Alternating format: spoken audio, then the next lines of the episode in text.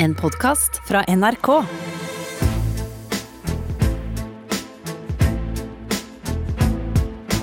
Trump mot verden med Gjermund Eriksen og Sean Henrik Matheson. Å, kjærlighet, Gjermund. Ja, Sean. Det trengs. Because of a lot of the people in this room, the job you've done on the vaccine, together with a lot of others, has been a modern day miracle. And it's really been acknowledged as such. And I want to thank you. I want to give you my love. Our love! love. Oh my god. Ok, eh, Donald eh, Gjermund, han, eh, han gir seg ikke. Han eh, forsøker eh, fortsatt å, å gjøre om valget. Også kalt statskupp. Og og det har han prøvd seg på i ulike former de siste tre ukene, og flere denne uka. Og så kan vi høre her hvordan han omtalte valget ved en pressekonferanse fra denne kjærlighetserklæringspressekonferansen som egentlig skulle handle om vaksiner. You can't steal hundreds of thousands of votes. You can't have fraud and deception and all of the things that they did and then slightly win a swing state. And you just have to look at the numbers, look at what's been on tape, look at all the corruption, and we'll see. You can't win an election like that. So hopefully the next administration uh, will be the Trump administration. And we were rewarded with a victory. Now let's see whether or not somebody has the courage, whether it's a legislator or legislatures, or whether it's a justice of the Supreme Court or a number of justices of the Supreme Court. Let's see if they have the courage to do what everybody in this country knows is right. Ai, ok, greit. Høyesterett eh, inn i bildet her, selvfølgelig, Gjermund. Ja, han ber de eh, stille opp og gi han valget. Nå avviste de det med én setning denne uka. Men la oss friske opp hva som egentlig var det store og det vakre og grunn til å ha kjærlighet til USA. Nemlig de grunnleggende spillereglene i demokratiet, uttrykt ved Steve Schmidt. So the, the peaceful transition of power is one of the great miracles of the United States. And George III was hugely curious about what George Washington would do. Um, he asked, he said, what, what will Washington do? And he understood that Washington could have been a king, could have been an emperor. And George Washington had decided, and, and when George III was told that Washington would go home to Virginia, and that he would be, in essence, the first person in 2,000 years of human history to step away from the type of power that he could have had absolute power if he had wished it. And he didn't. And he set in motion what has gone on uninterrupted through civil war, through assassination, through World War, through depression, through the inauguration of the 45th president, Donald Trump. And it's this idea that in this constitutional republic, the oldest in the world, that the people are sovereign, the people elect their leaders, and the leaders serve at the will of the people under a constitutional system where no one is above or below the law. Ja, Steve Schmidt er altså en av grunnleggerne eh, av The Lincoln Project, eh, Gjermund. Han er jo rimelig klokkeklar her. Ja, og McCains uh, sjefstrateg fra kampanjen i 2008. Uh, det Poenget hans er det å innrømme nederlag. Har vært en tradisjon for helt fram til Donald Trump. Og det Trump bruker som logikk Han fikk flere stemmer enn forrige gang. Og at du kan se det om igjen på TV, hvordan stemmene kom inn, og at det virker rart, er en grusom handling, altså. Og at dette faktisk påvirker så mm, mange millioner republikanere uke etter uke. Eh, la oss bare høre her hvordan Lou Dobbs, en av de viktigste kommentatorene på Fox News, som påvirker flest mennesker, samtaler med taleskriveren til Donald Trump om Donald Trumps komplette løgn. Well, what's wrong with the Republican Party? Where is the outrage? really on the tens of millions, tens of millions of Where ballots. the hell are the Republicans? No, signa- no signature checks. Where the hell are the Yeah. Republicans? You're right, Where Lou. are they? Tens of millions of ballots nationwide. No signature checks. No citizenship checks. No residency checks. No age checks. No criminal record checks. Not even checking if you're alive or dead. Are we a third world country? Are we a banana republic? Svaret på det er jo ja. Det er en bananrepublikk under Ja, Donald Trump. visst. Men det antall eh, rep- eh, i Representantenes hus som ikke vil innrømme at Joe Biden har vunnet. Antall senatorer i Senatet som ikke vil innrømme nederlaget. Hvis du legger til at 17 delstater stilte seg bak Texas i å prøve å omgjøre valget helt uten rettslig grunnlag, og uten det som kalles standing, uten at vi skal gå inn i det, så har de ingenting med valget i Pennsylvania å gjøre, og Høyesterett vil ikke ta tak i det. Men at 17 delstater på autopilot har lyst til å avlyse valget, der er Steve Schmidt, Mike Murphy og utrolig mange av disse hovedaktørene sitt poeng nå at USA er aldri mer enn ett valg unna at demokrati kan avlyses. Det er skummelt. At the good guy må alltid vinne. Det er over snittet spennende, syns jeg. Eh, eh, Og Rush Limbo, ja. Han sa denne uka altså Nei, jeg tror det var i går kveld, ja, eh, på radio, og det er en, også en veldig betydelig stemme, begynte å flørte med secession. Altså Ja, at ja, delstater skal trekke seg ut av den amerikanske unionen.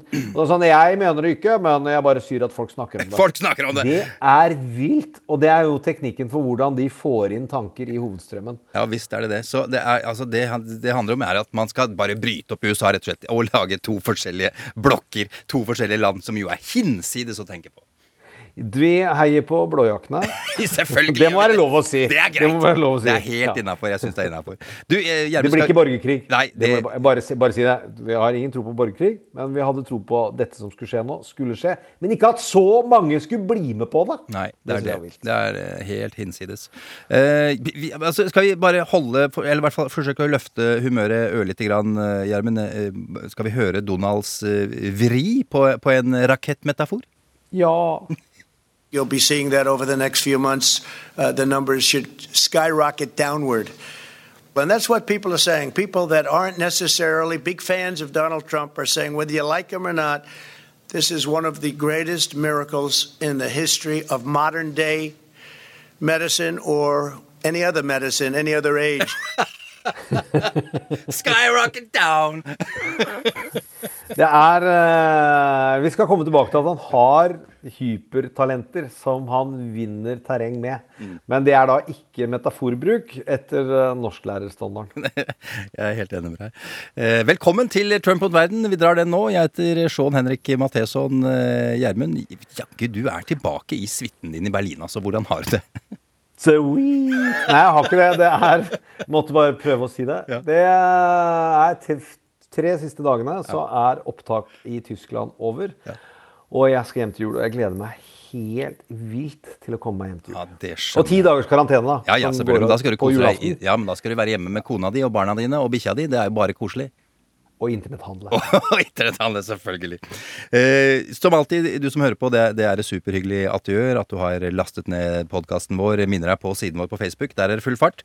Bra jobba, du som deltar der. Eh, Og som du veit, her hos oss så handler det om amerikansk politikk og om president Donald Trump og alt han og crewet hans foretar seg. Eh, Vi forklarer det som skjer i USA gjennom virkemidlene som brukes i TV-serier og i film, altså i fiksjon. Og grep Donald er kjempegod til eh, å bruke. Eh, Det er fredag formiddag, det er den 11. desember. Det er 39 dager til Donald Trump går av som eh, president. Eh, I dag skal vi annet snakke om det vi kaller Det demokratiske partiets kulturelle problemer.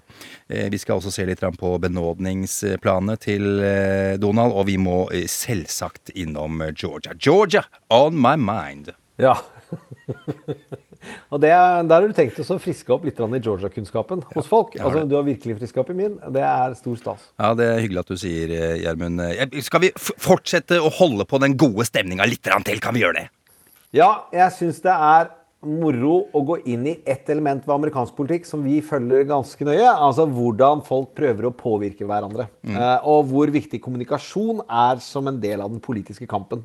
Og der er det en nøkkelsetning som heter We campaign in poetry and we govern in prose. Og det er klart, vi ser mye på poesien i det. Og denne uka så har det vært veldig mye sånn selvrefleksjon rundt hvordan gikk disse kampanjene. Det begynte å komme ut tall og data om hva som var de egentlige beveggrunnene for hvorfor folk valgte som de gjorde, og hvem som gjorde smarte valg, og hvem som ikke gjorde smarte valg. Eh, og der er Steve Schmidt, som vi har hørt, en sentral kommentator. Og du har David Pluff, som er en nestleder under lederen til Obama, David Axelrod. David Pluff er nummer to, som jeg ofte har omtalt som ikke like varm, varm i språket, men han er knivskarp og smart, altså. Ja. Og hvor vanskelig det er å vinne valg, og hvor vanskelig det er å vinne over folks meninger og holdninger og få dem til å tenke og føle nytt. Tenkte vi kunne illustrere det med eh, det vi syns vel begge Sean, er en av de største statslederne, og ta tak i noe av hans julebudskap. Oh, Barack Obama, selvfølgelig.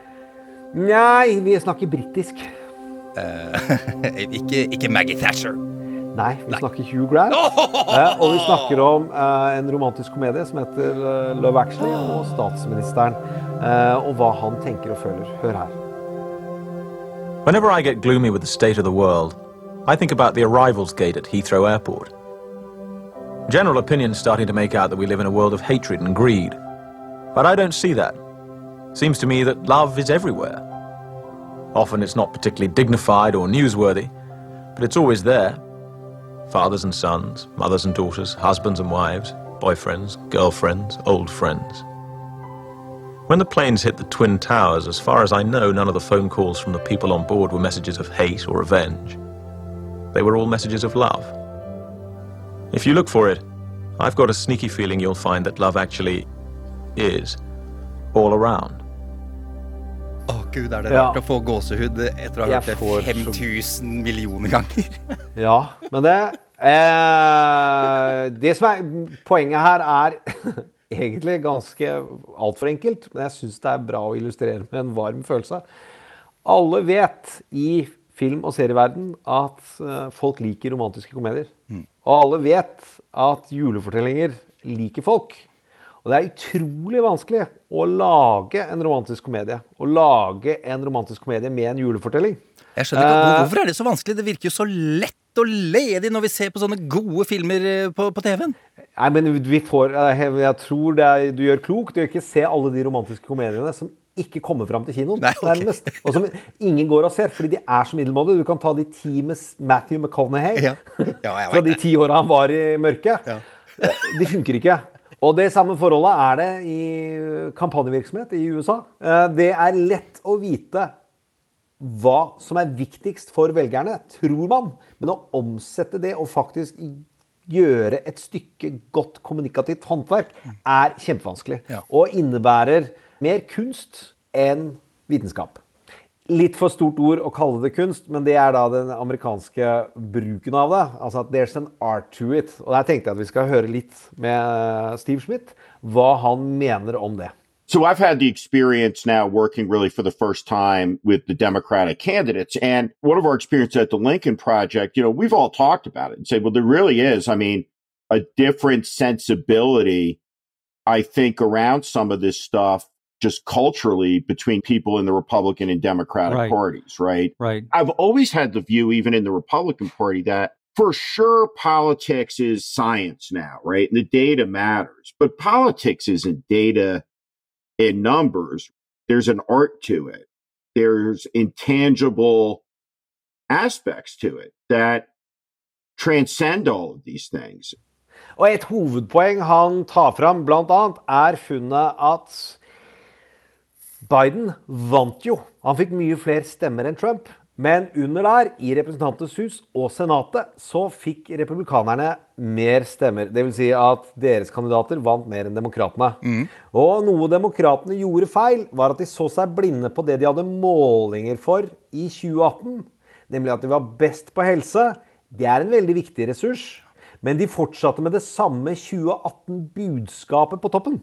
Altså pre-existing conditions var deres hovedbudskap i en pandemi hvor pre-existing ikke akkurat var koronafenomenet. Men hva betyr pre-existing? eh, Det betyr at det er, eh, I amerikansk helsepolitikk så er forsikringsselskaper kjørt på at du ikke skal kunne forsikre deg dersom du har en forutgående lidelse. Underliggende, si liksom? Ja, som ligger ja, underliggende. Ja, ja, ja, ja, okay. Ja. Jeg er ikke så god på Nei, nei, nei, nei. Samme, helsepolitikk i Norge. samme, samme. Jo, men du får ikke forsikring hvis du har astma Ja. eh, for ditt og datt. Nettopp. Eh, Da får, gjelder ikke de A, B og C. Mm. Uansett, der vi var nå, da hadde de lagd den planen, og så bruker de pre-existing som hovedbudskap, og ikke knytter det at de er best på helse, til korona. Okay. Og det gjør Steve Schmidt og David Pluff utrolig forbanna.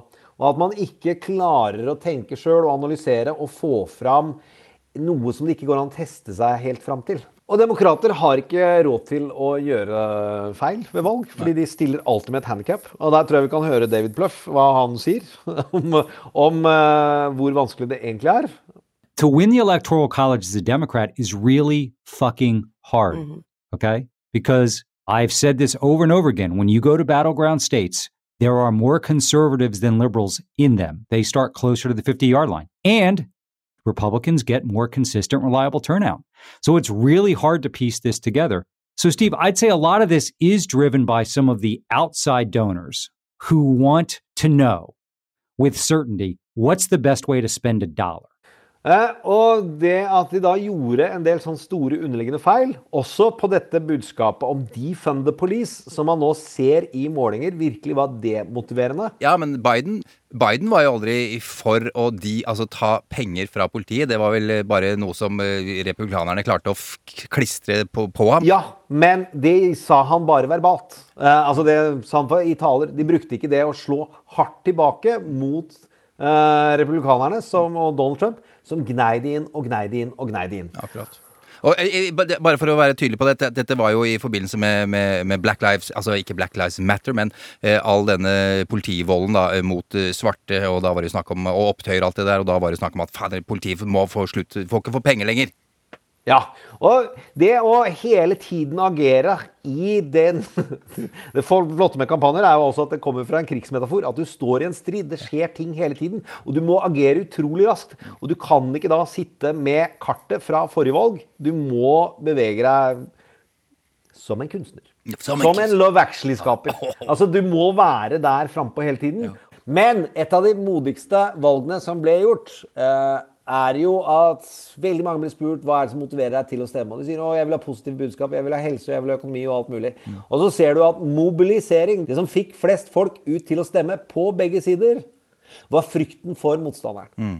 Og Lincoln Project, som Steve Schmidt sier, de, de så ikke helt på de målingene om først er det økonomi, og så er det helse, og så er det Donald Trump. De sa at vi bare bestemte oss for det viktigste i dette valget er Trump på plass nummer én. Og så er det Trump på plass nummer to. Og ned til 534.-plass, it's fucking Trump. Folk må skjønne at landet går under hvis han bestemmer. Ja, Så skreddersydde de det i ganske gode fortellinger knytta til helse og knytta til økonomi, og brukte det kommunikativt på det jeg vil si er Love Actually-vis. Og den håndverkskompetansen, det trenger underskogen av demokrater til å bli flinkere til. Hvis de ikke skal tape alt i 2022. Kan ikke minst disse folka som er i Georgia. Ja, skal det skal vi snakke om seinere. Ok. Det er jo fredag eh, hjemme hos eh, meg. Er det lov å finne fram godteriskåla? I hvert fall for oss eh, voksne. Eh, Den første biten jeg ser her, den smaker forferdelig vondt. Jeg Kunne nesten ønske at vi kunne spytte den ut, men det kan vi ikke. En eh, forsker i Florida ved navn Rebecca Jones har ment at eh, covid-19-tallene i Florida ikke stemmer, altså at tallene er, eh, blir manipulert eh, til å vise at ståa er bedre enn den egentlig er. Hun har derfor publisert det hun mener er eh, riktige tall. Og når du gjør det i Florida, da skjer dette. Come outside. Outside. Who else is in the house, ma'am? My two children and my husband. Where's your husband? Calm down. Calm down. You want the children down? Calm them all down. Mr. Jones, come down the stairs. Now! Police, come down now. Search warrant. Bring your children. down the stairs. My children! Hang on. Let me clear the He just pointed a gun at my children! Det der er ganske heftig, Gjermund. Fy søren. Du blir altså Ja. Ja, men vi over, og pistol mot unge, altså. Ja, ja, ja. Eh, Men vi overskuer ikke helt hva som har skjedd. Men det det lukter mest av, er jo at delstatsguvernøren Dos Santos, som er den, en av de mest ko-ko guvernørene i Trump-støtte og antikoronavirksomhet som fins, han har lagt press på politiet for at de skal plage henne. Det er ikke bra. Da er vi over i totalitær stand, Helt riktig. eh, og det er ikke bra. Nei, det er ikke bra i det hele tatt. Eh, Det er helt grusomt, eh, men det kan kanskje hjelpe med en touch av poetisk justis. Kanskje ikke for den forskjellen, forresten, men for oss kan det hjelpe. No, it isn't truth. Truth isn't truth. The President of the United States says, I didn't. Truth isn't I- truth. Mr. Mayor, do you realize what I, I, I No, I- no, no. this is to become a Wait, bad don't, don't, do, don't, do, don't do this to me. Don't do Uh, truth isn't Donald truth to Trump. me. Utropte det til en dårlig meme allerede der, og det er ikke så rart. Truth isn't truth. Rudy! Rudy Giuliani har jo fått korona! Det er jo poetic justice, må kunne si det, Gjermund. Ja, hvordan han har oppført seg, hvis du ser på pressekonferanser og ser på opptredener, om hvordan han svetter og tar på folk og snyter seg og tørker seg med, med snørra si, er langt ute. Eh, Så det er eh, ikke veldig mye omsorg eh, for, fra vår side, og dessuten så får han sikkert så bra behandling at han ikke dør. Å ja, han skryter av det, nemlig, Gjermund. Bra du sier, egentlig. Han, han sier at han har fått The Celebrity Corona Treatment. Altså spesialbehandling eh, som sikkert er skikkelig ålreit å høre for alle de 300 000 som ikke kan høre det i det hele tatt, men som er døde av korona. Og da husker vi hvordan Donald Trump blei på testosteron, og så håper vi at Rudy får det også, så, det, så galskapen eh, får, eh, blir opphøyd i galskap. Å gud, jeg håper han får masse, masse av det greiene der. Eh, Jeg syns også det hjelper å tenke på eh, planene Donald har for eh, 20. januar. Da skal han sannsynligvis sette seg i The Beast for siste gang, altså bilen presidenten bruker. Han vil kjøre til flyplassen og sette seg inn i Air Force One for siste gang. eh, Fly til Florida, for så å holde sin kickoff-rally for å vinne tilbake presidentskapet i 2024. Samtidig med at Joe Biden settes inn som USAs 46. president hjemme. Ja, og da går vi på hva slags type eh, valg Donald Trump gjør. Han driver med motprogrammering. Grunnen til at han nå disser dette valget og sier at valgresultatet ikke funker, er jo fordi at han har jo et rykte på seg for at han ikke spilte med helt hederlig kort ved forrige valg. Så han vil gi Biden den samme ryktet om at dette valget er ugyldig og at det ikke er bra. Og samme om mange av oss ikke tror på det, så har han klart å så tvil om det. Mm. Det er en favorittøvelse hos han. Ja. Eh, Og nå skal han drive med motprogrammering ved at han lager TV-show samtidig. Ja. Eh, Jeg vil på hva jeg kommer til å sitte og se på. Jeg har ikke helt bestemt meg nå, men ok. Ja, men det er Eh, veldig lurt tenkt, fordi Bidens eh, evenement, som vi faktisk hadde tenkt å reise over på, er jo ikke noe poeng. Ja, altså det vil jo være digital, det vil jo være som det konventet. Veldig sparsommelig. Mens han kommer til å lage crowd. Han vil lage show i Florida med mye folk og mye hantering. Ja, ja, helt klart. Nå på onsdag registrerte man for første gang flere enn 3000 døde av covid-19 i løpet av et eh, døgn.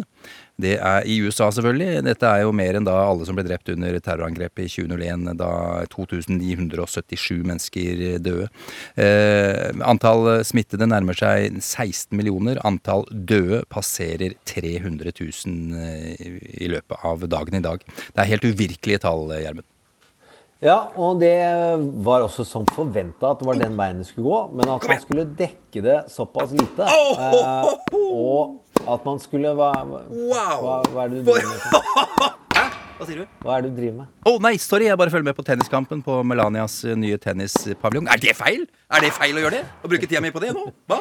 Det er feil av Milania å fokusere på å bygge tennispaviljong ja, på vei ut døra. Sånn var det, ja. Hvem er det hun tenkte at skulle spille tennis der? Og hvorfor? Hva er det hun gjør? Nei, jeg vet ikke, jeg bare synes jeg liker tennis veldig godt. Men sorry, jeg tar den, altså. Jeg tar den, jeg tar den.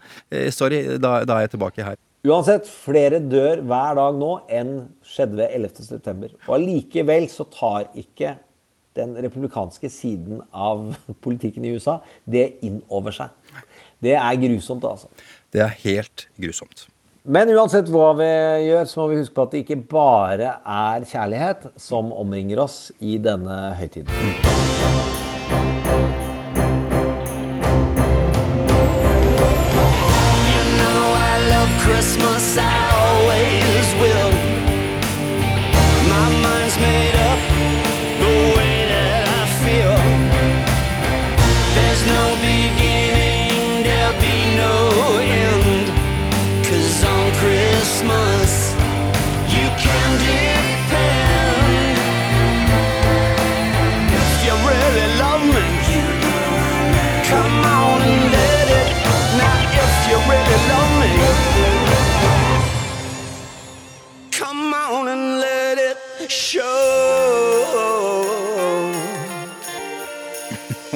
Bill Nye der.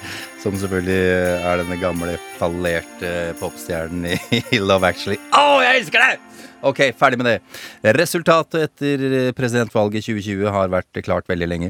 Joe Biden vant, og han vant klart. 306 valgmannsstemmer mot eh, Donald Trumps eh, 232. Du trenger 270 for å vinne. Dette her veit vi.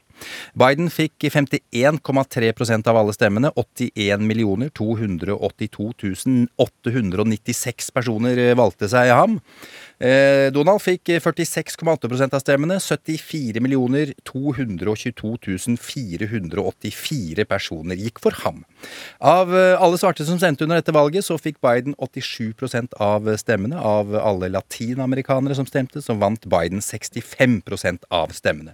Av unnskyld, hvite eh, med noe eller lite utdannelse, så vant Trump 67% av stemmene. Dette her er prognoser fra Washington Post. Jeg ble ikke vi, vi stoler på her i, i Trump mot uh, verden. Noen funn der, men hvilke andre hovedfunn har, har vi så langt, Gjermund? Ja, altså det er jo, For å ta det veldig grovt, for å illustrere noen av de større utfordringene det demokratiske partiet har, eh, så er det jo det at eh, utdannede stemmer på demokratene i større grad. Og som du sier, uten utdannelse, hvite uten utdannelse, går til republikanerne i større grad. En liten, men viktig del av latinos har gått til det republikanske partiet eh, fra forrige valg. Og de har ikke stålkontroll på latinos, slik som demokratene har tenkt og sagt ganske lenge. Og en liten, og, men allikevel viktig del av de svarte har også forlatt det demokratiske partiet. Det tyder på at demokratene har det man kan kalle et merkevareproblem. Ja, du mener, Når Eh, du sier gå under, altså til under, så mener du Kongressen og Senatet, ikke sant? Ja, i de politiske stillingene under. Og det er, eh, betyr at flere foretrekker den generiske republikaneren framfor den generiske demokraten. Altså gjennomsnittskandidaten for republikanerne blir foretrukket framfor gjennomsnittskandidaten fra demokratene. Mm, hva mener du? Jeg tror man må se på hva en merkevare gjør, og hva en merkevare er. Og det er jo et mystisk eh, økonomiord som ikke alle har helt under huden. Men merkevare er følelser og assosiasjoner knytta til merke eller navn eller avsender eller produkt som ikke er i produktet. Altså det er det Steve Schmidt kalte untangibles. Altså det er mentale størrelser. Og hvis du tenker på bil jeg er ikke bilekspert, men en gang så var jeg bilmerkevareekspert. Uh, det vil si at jeg jobba med bilmerkevarer. Du er Eh, gammel var- reklamemann, bare for å nevne ja, det. Så, ja, ja. ja, og jeg syns det var kjempemoro. Og Da inviterte vi veldig mange mennesker som sier at de gir beng i bil. De bryr seg ikke om merker i det hele tatt. Og Så setter man dem i fokusgrupper, så sitter man og prater med dem, og så har de alle de meningene om bilene som avsenderne og produsentene har prøvd å skape. Som er sånn Nei, jeg bryr meg ikke noe. men Volkswagen er sånn. Å nei, nei, Opel aner ikke hva med Opel er sånn. Citroën er det. Alt sammen er styrt av markedspåvirkning. Og noen få ting er styrt av produktopplevelser. Altså Noen begynte rett og slett å bygge dårligere biler. Mens det tok jækla lang tid å få at folk skjønner at Toyota er et usedvanlig godt valg. Ja, Det vinner i tester og alt mulig. Mitsubishi har jobba seg opp gjennom at man har produktopplevelse, men det å snu folks innbilte Er det noen tyskere som hører på? Beklager jeg det. Men det er klart at asiatiske biler i forhold til pris har levert mye tryggere og mer stabilt enn å betale i dyre dommer for å ha en Volkswagen i panseret. Ja, ja, Sorry. Volkswagen-brukere, men det er ikke en bedre bil. Og det er, du betaler mye for det merket. ja, ja, det er merkevaren. Okay. Og der vi er nå, Ja. så er det demokratiske merket Det er en dårlig selger av demokratisk politikk. Og det får man fram i en, annen, eh, en del andre undersøkelser som viser at de republikanske velgere, hvite menn uten utdanning, og latinos, er veldig opptatt av minstelønn. Også at folk skal få ålreit betalt. De er opptatt av at du skal få gode helsetjenester. Og de er opptatt av annen type demokratisk politikk, men de vil ikke ha det fra det demokratiske partiet. Og da sliter du med merkevaren. De vil ha det du foreslår. De kunne tenke seg bil, men vil ikke sette seg inn i en Toyota. da. Ja, det For noe japansk. For noe japansk. Jo, men der er det demokratiske partiet sliter. Okay, det, har, det er noe gærent med merkevaren til Det demokratiske partiet, basically. Ja, og Ja. der er det en progressiv eh, hyperanalytiker som har snakka med med Pod Save America og går igjennom de første funnene hvor de måler eh, faktisk hva folk har stemt, og hvordan de har tatt imot kommunikasjon, hvor det kommer fram denne typen funn. Det er merkevaren til Det demokratiske partiet som sliter, og ikke politikken deres. Og det har kjempekonsekvenser for 2022, og kjempekonsekvenser for Georgia. Hvis du blir knytta for mye til den demokratiske merkevaren, som Donald Trump har, og Det republikanske partiet har klart å knytte til antifrihet. Og at det er sosialisme. Eh, Så kan vi le og føle det er dumt, eh, men det er det de reagerer på. Eh, Og da merkevarebygging og hvordan man prøver over tid å påvirke folks følelser og tanker. Da jobber man mer med narrativer og store kulturelle fortellinger. Nettopp hvordan knytter du deg an til frihet? Frihet er kjempestort og viktig i USA, og republikanske partiet okkuperer den delen av det kulturelle landskapet, og der må demokratene komme inn med tydeligere og bedre svar. Og en annen type kulturfortelling som er kjempeviktig i USA, er jo self-reliance. Det at du klarer deg sjøl og står for deg sjøl. Du trenger bare litt hjelp fra myndighetene, men ikke mye. Der har republikanerne også klart å knytte det til at det beste er at du ikke har utdanning, og at du ikke får noe hjelp av staten og ikke får noen helsetjenester, istedenfor at de velgerne som faktisk setter pris på at de skaper sin egen arbeidsplass, de vil at barna skal få helsetjenester. De vil at uh, utdanning skal være billigere. Men når de hører at demokratene foreslår det, så er det sosialist. Antifrihet. Og det å forstå og beherske de fortellingene, det må de gjøre bedre. Ja, eh, overrasker meg ikke at eh, Trump er bedre på dette. her. Dette er jo det han kan, er ikke det, Gjermund? Jo, det er, det er den tabloidforståelsen han har av verden, som han har trent opp til siden 80-tallet, som vi har nevnt før. Men der, hva som er gruffet, og hva som er håpet, eh, må man ikke glemme at han har fått til ganske store ting, altså. Men, likevel, Gjermund, så, så vant jo tross alt valget, da, demokratene. Biden og Harris. Ja, men det er, øh, kan være midlertidig. Fordi Donald Trump han mobiliserer veldig mange demokrater til å gå og stemme. Og det er ikke sikkert de har en fyr til å være så sinna på, eller at de er så sint på Donald Trump i 2022 at det er han som får deg til å løpe ut og stemme i veldig stor grad. Så når den største kraften til å mobilisere på demokratisk side blir borte eller redusert, da vil merkevaren Det demokratiske partiet bli viktigere. Akkurat. Ok. Så det er en av mange ting som er eh, spennende. For å si. Det er jeg helt enig med deg. Du, eh, eh, på tide å snakke om eh, ja, hva du kan eh, gjøre med benådning eh, her i verden. Altså, ja, du kan jo for eksempel ja, hjelpe venner og familie og Said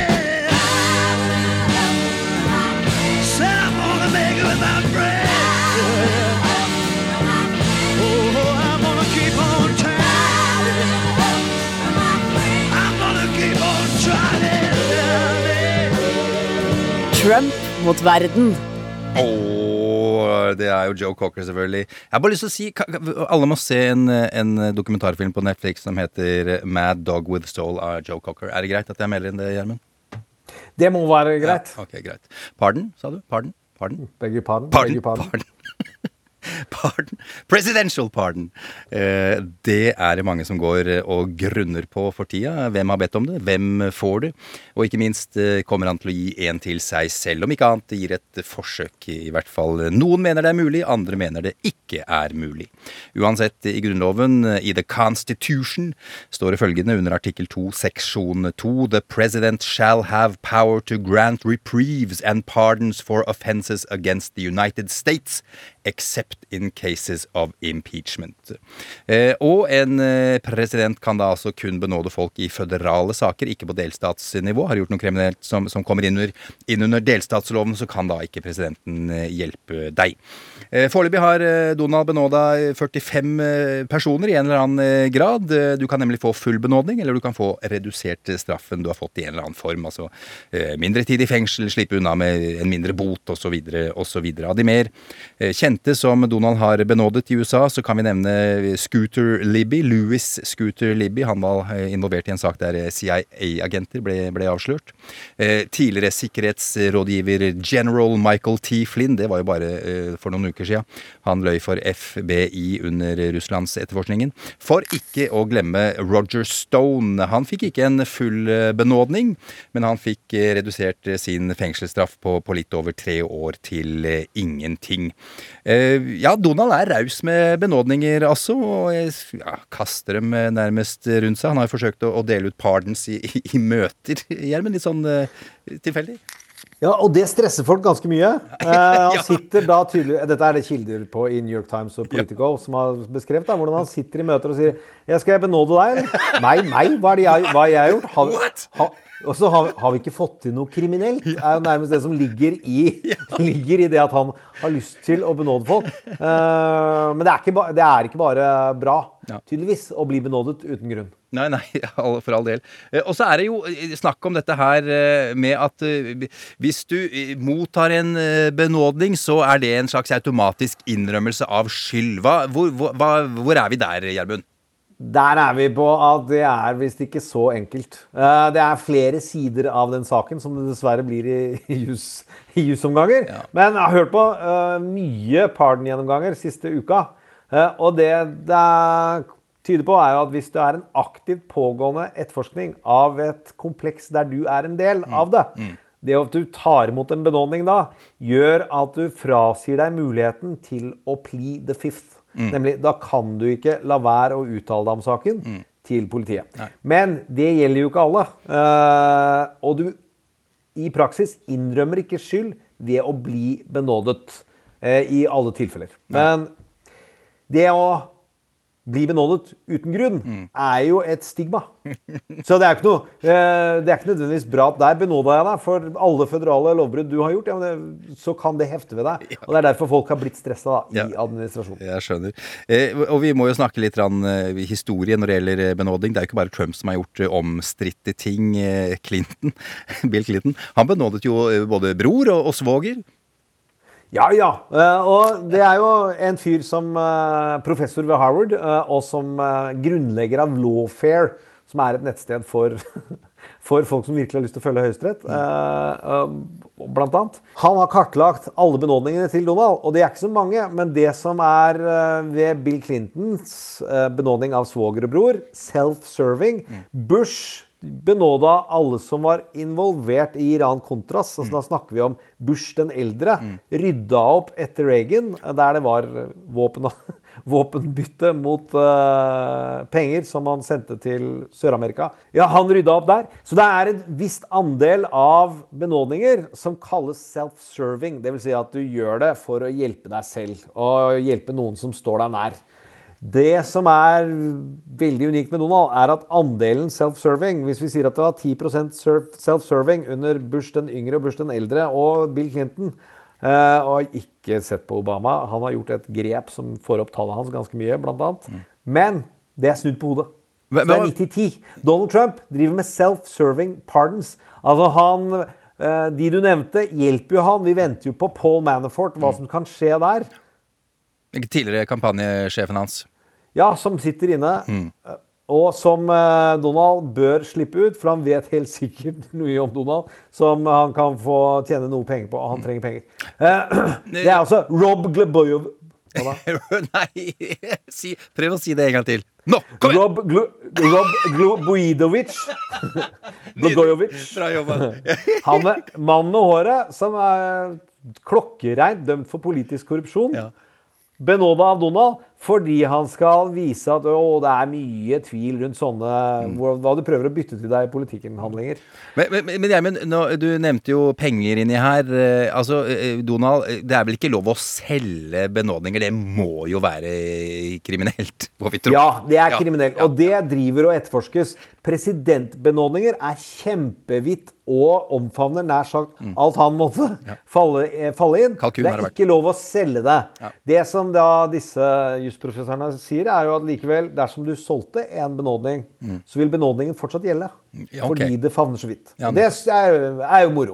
Nå er Donald ikke under etterforskning for å selge benådning. Det er jo andre rundt han som er etterforska for det. Ja. Eh, og ikke noen deler av administrasjonen. Det er jo greit. Dette- Hyggelig at han ikke har gjort det da ennå. Ja, det er kjempefint. Eh, Nå er det for så vidt Ja, det er en New York Times-artikkel du refererte til. De har holdt på med dette her siden i sommer for å finne ut av dette her. Eh, Men det store spørsmålet, Gjermund, det er ikke til å komme fra. Eh, Kan han benåde seg selv? Der har vi svart klokkereint eh, og krystallklart at det kan han ikke, da det ble diskutert da vi drev med radiosendinger, altså Mm. lenge før podden begynte. Det er visst ikke så enkelt lenger. Nei, jeg visst ikke det. Jeg har skjønt det. Jeg har lest litt mer om det, altså. ja, at det er eh, Så vidt er presidentfullmaktene at de eh, kan han kan benytte anledningen, og så er det da noen som må utfordre han. F.eks. Justisdepartementet må gå til sak med at det der hadde du ikke lov til. Det de sier, er at Høyesterett vil ikke blande seg inn i et grunnlovsproblem på den måten. Eh, så hvis Donald Trump benåder seg selv, så vil de si gå og fiks lovene deres, så får dere gjøre noe ut fra det. Ja. Uh, Men det og det det- er jo grusomt hvordan han bryter da en norm som egentlig er selvinnlysende. Ja visst. Og hvis de hadde skrevet denne grunnloven i dag, så peker jo han eh, Harvard-professoren på at da hadde du jo lagt inn det. Du er forbudt å benåde seg selv. Noe som eh, egentlig ligger implisitt eh, i en god del sentrale rettsprinsipper. Du har ikke lov til å frikjenne deg selv. Du har ikke lov til å dømme deg selv, som en frikjennelse vil være. Det er andre som må se på det. Men Donald jeg utelukker ikke at han gjør dette. Neida. Men det må også være si her at det er jo enkelte som mener at det er klin umulig å gjøre det. Men det, de har ikke blitt helt enige om det, da. Bare for å Ekspertene strides, for å si det sånn. Jo, men han er øverste leder av den utøvende statsmakt. Om han sier benåd seg selv, så må noen komme og ta det fra ham.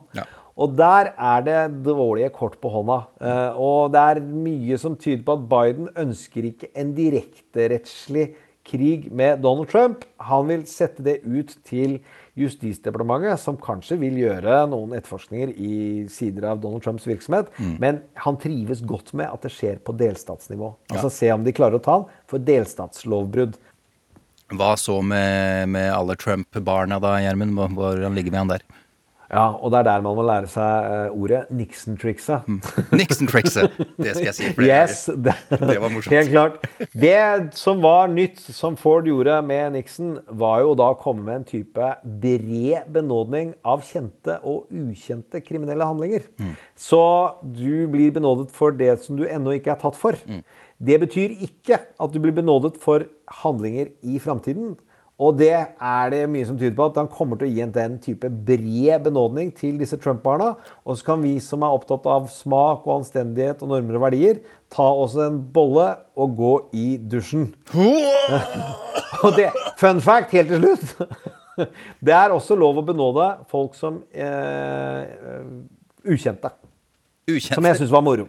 Ja, det er jo Jimmy Carter. Han benåda jo alle som har sneket seg unna av draften oh, ja, sånn, og ja. blitt sendt til Vietnamkrigen. Stemmer det. Så Det det, er trivelig. Mm. masse muligheter inni benådningsstatuttene. Og så får vi se hva han gjør. Dette blir så morsomt. så han har gjort mye mer self-serving benådninger enn andre. Men han har ikke gjort så mange Nei. som verken Obama, Bush eller Clinton. Eh, Obama benåda jo 2000 narkodømte på vei ut døra siste uka for å vise at det er noe galt med det amerikanske rettssystemet. Eh, Det hadde jo vært hyggelig om Donald Trump prøvde seg på noen sånn julehandling som var helt uegennyttig og ikke self-serving, men klarte å peke på noe. Jeg eh, investerer ikke aksjer i det. uh, ja, men, uh, jeg, jeg har Georgia on my mind. Hvem har ikke det? Det er jo John Bolton som synger. You'll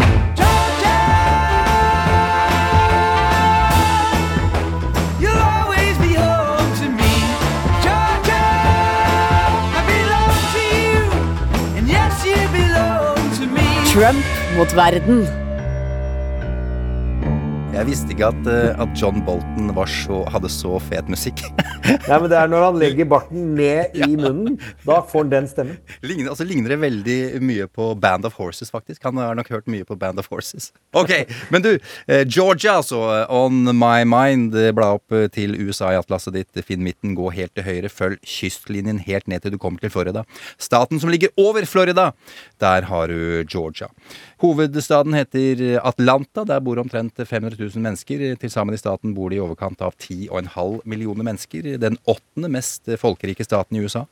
52% er hvite, 33 svarte, 10% latinamerikanere. I hovedsak kristne. I overkant av 30% av innbyggerne har en bachelorgrad eller mer. Landsgjennomsnittet ligger på rundt 35% En stat som har relativt god økonomi. Landbruk, mineraler, industri, men også en haug av store firmaer, firmaer innen finans, teknologi og slike ting har sitt hovedsete der. Turisme er også en stor del av økonomien. De har den fjerde største containerhavna i USA. Den travleste flyplassen i verden. Allikevel, arbeidsledigheten er høy, med ca. 14% Nyter et subtropisk klima, varmt og fuktig i store deler av året, men da kan du sette deg i skyggen på porchen som går rundt hele det hvite sørstatshuset ditt, og nyte en iskald Pemberton French wine coca, eh, funnet opp av en oberst som slåss for sørstaten under borgerkrigen, ble såret og etter hvert avhengig av morfin. Det var stress. Så han fant opp en drikk som var mye sunnere og bedre i stedet, og som var full av vidundermiddelet kokain. Mye bedre, fikk senere navnet Coca-Cola. Mens eh, isbitene klirrer i glasset og svetten renner fra panna di, så kan du sette på Ray Charles, Otis Redding eller Gladys Knight, de er fra Georgia. Eller Outcast, TLC og Usher hvis du liker hiphop. Alan Jackson hvis du foretrekker country. The Allman Brothers og REM fra rockesamlinga di. Eller jazz, blues, klassisk. Enormt mange kjente artister kommer fra Georgia. Mens du sitter der på porchen får du kanskje øye på en og annen supergiftig slange eller en alligator i det frodige landskapet.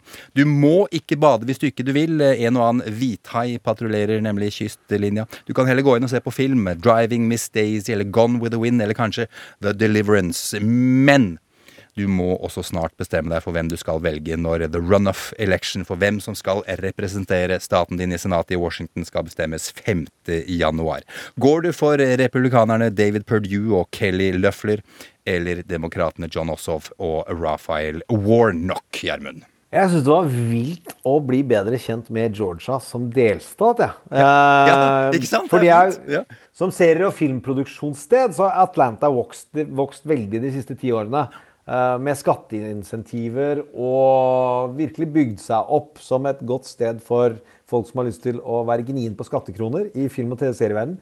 Men den musikkfortellingen du kom med der, antall artister som har eh, utgangspunkt i Georgia, syns jeg var eh, utrolig. Ja, det var bare det, var, det er så mange at du kan bare le deg i hjel. Det er enormt. Ja, og den eh, matkulturen har jeg også da lært meg om at det er, det er utrolig god mat i eh, Atlanta og i Georgia, eh, som er helt unik på grilling. Så jeg syns, jeg syns at vi burde reise dit altså. ca. 3. januar for å følge med på dette valget. Høre på all den kule musikken. Hadde vært fett. Ah, Ta Georgia enda mer på alvor. Spise barbecue, liksom. Eh, ok, Ja. eh, 538 eh, de har en oversikt over eh, denne runoff election i Georgia. Der leder Ossov, altså demokraten Ossov, over Perdue med 0,3 prosentpoeng. Det er ikke mye. Warnock, eh, demokraten, leder med 2,1 over Løfler. Heller ikke mye. Men det at de i det hele tatt leder, Gjermund, som vi har sagt mange ganger før, det er jo eh, spesielt. Det er hyggelig. Den store utfordringen i Georgia for begge parter er turnout, altså oppmøte. Tradisjonelt i valg når det ikke er en president som er på toppen eh, av valg, eh, stemmeseddelen, da er det republikanerne som vinner. Fordi de er flinkere til å være motivert. Og tilbake til det med merkevaren. Det har enorm betydning.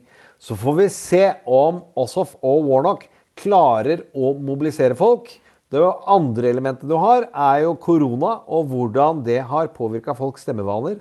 Og om man kan få til den forhåndsstemmeeffekten som man fikk til i Pennsylvania og Wisconsin.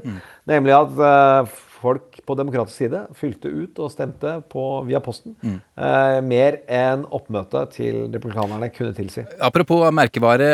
Det er veldig mange republikanere i Georgia som er uhyre stressa over Donald Trump, og at han ved å si alt det rare han gjør, kan ødelegge for republikanerne. Hva mener du om det, Gjermund? Nei, Han var jo ute i helga og holdt uh, rally for uh, Georgia-kandidatene. Og det er klart han går all in, virker det som. Eh, og de prøver å bryte ned de komplett Trump-lederne i det republikanske partiet i Georgia som ber folk om å ikke stemme. Mm. Det er noen da som gjør og sier at valget er jo stjålet fra oss allikevel, Mm. så det nytter ikke. Der slår jo Donalds løgn litt tilbake på han.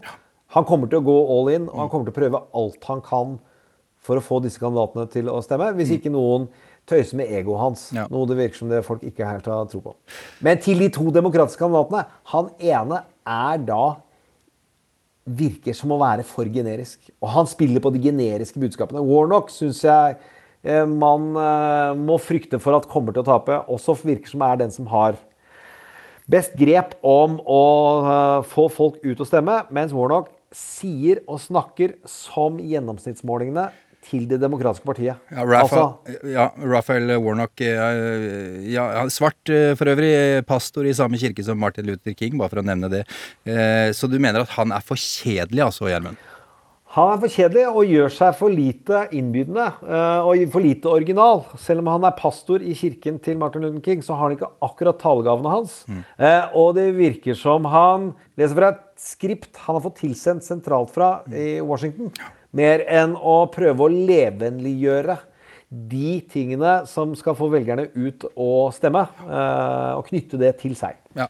Eh, Han eh, skal jo da gå i kamp eh, med Kelly Loeffler, denne kvinnen, styrtrik businesskvinne, ble utnevnt til senator av guvernør Brian Kemp da, da den senatoren som satt der, gikk av pga. helsa. Har en 100% Trump voting record, kaller seg den mest konservative i senatet. Beskyldt for innsidehandel, solgte unna aksjer rett før covid-19 traff som en slegge. Det har begge to. Purdue også er uh, under etterforskning for innsidehandel. Uh, og det skulle jo egentlig være mulig å mobilisere og motivere en del velgere på. Så f- virker det som Ossoff er flinkere med å være proaktiv på den sida enn Warnock.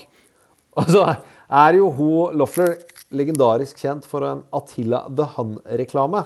Som eh, vi uh, i utlandet og på demokratisk side ler godt av. Men som er ganske folkelig, altså. Ok, Den må vi da Eh, google oss fram til på YouTube da, for å se. Den er komplett lokos, fordi hun er enda mer opptatt av å følge Donald Trump enn noen andre i hele verden. Det er kjempedårlig håndverk, men det folkeliggjør en milliardærdame ja. overfor velgerne eh, på en ganske kynisk og god måte allikevel. John Ossoff, eh, ung, eh, ung politiker, eh, journalist, laget filmer for BBC. Eh, Har jo vært med i runoff tidligere, Gjermund. I 2017 så til Representantenes hus. Vant første runde, det var også en runoff, ja, men tapte andre. En, en, en ung, dynamisk fyr som, som jeg har blitt imponert av å høre på, må jeg si. Ja, men han eh, må stå på enda mer. Ja, for all del. Han må lage flere øyeblikk enn det, den TV-debattøyeblikket eh, som vi har delt tidligere. Ja, det, altså, men han stilte jo, apropos TV-debatter, eh, han skulle jo møte David Perdue i debatt her var det i løpet av uka. David Perdue stilte ikke opp, og, og også sto der aleine og fikk messe i fred. Ja, det er ikke ofte som har skjedd her i verden. At det lønner seg mer å ikke møte opp. Da har du dårlig kort på hånda. Men, det skulle ikke forundre meg om Purdue gjorde det riktige valget der. Kan godt hende han gjorde det. Han slapp å drite seg ut. Det er det jo flere som har sagt, også inne i Love Actually, i en fantastisk eh, kirke der eh, det skal stå et bryllup. All you need is love.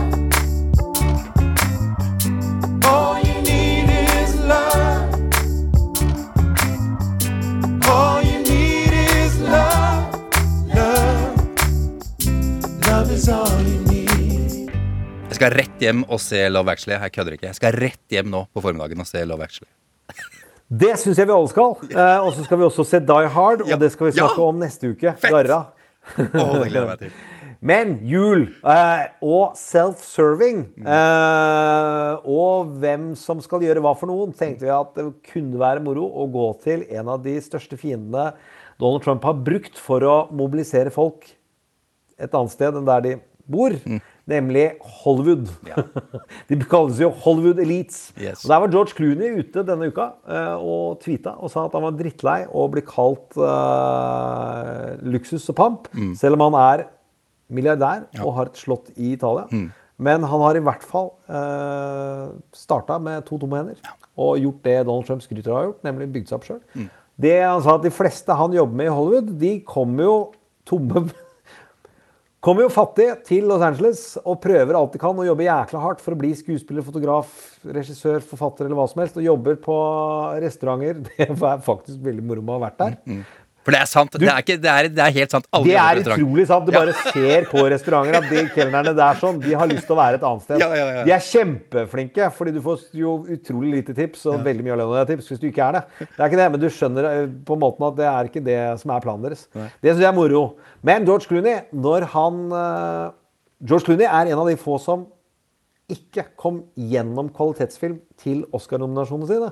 Han starta med å prøve å være i reklame og i såpeopera, og han levde ikke særlig godt. Og han fikk masse hjelp av eh, venner og kjente, hvor han fikk sove på sofa, han måtte tigge om mat og alt mulig. Ja.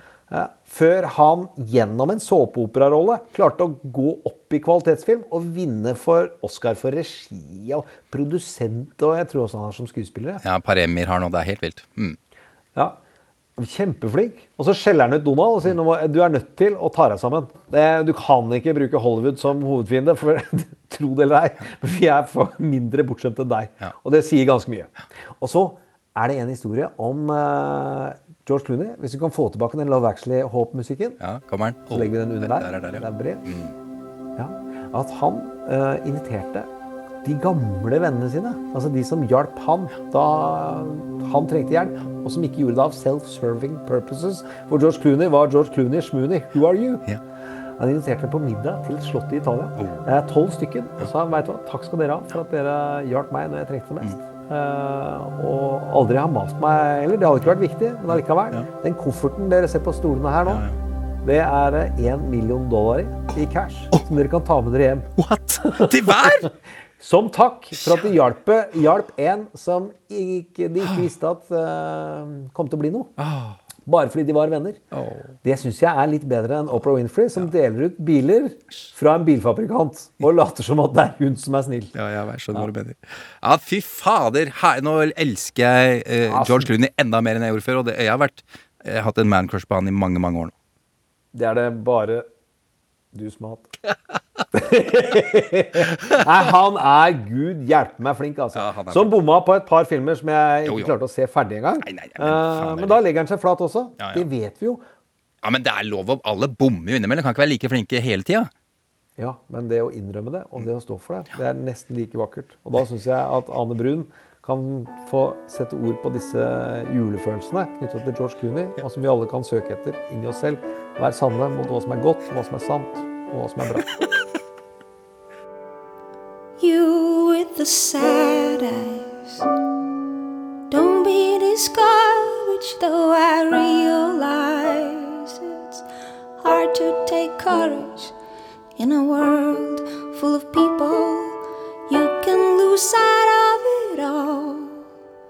But the darkness inside you can make you feel so small. And I see your true colors shining through. I see your true colors, and that's why I love you. So don't be afraid to let them show your true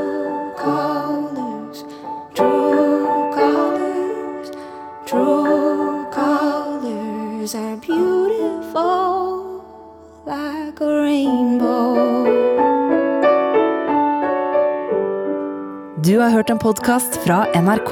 Hør flere podkaster og din NRK-kanal i appen NRK Radio.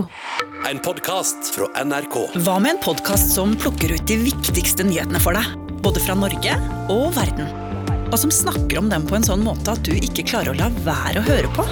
En snarvei til skikkelig peiling. Hør nyhetspodkasten Oppdatert Med meg, Ragna Nordenborg. i appen NRK Radio.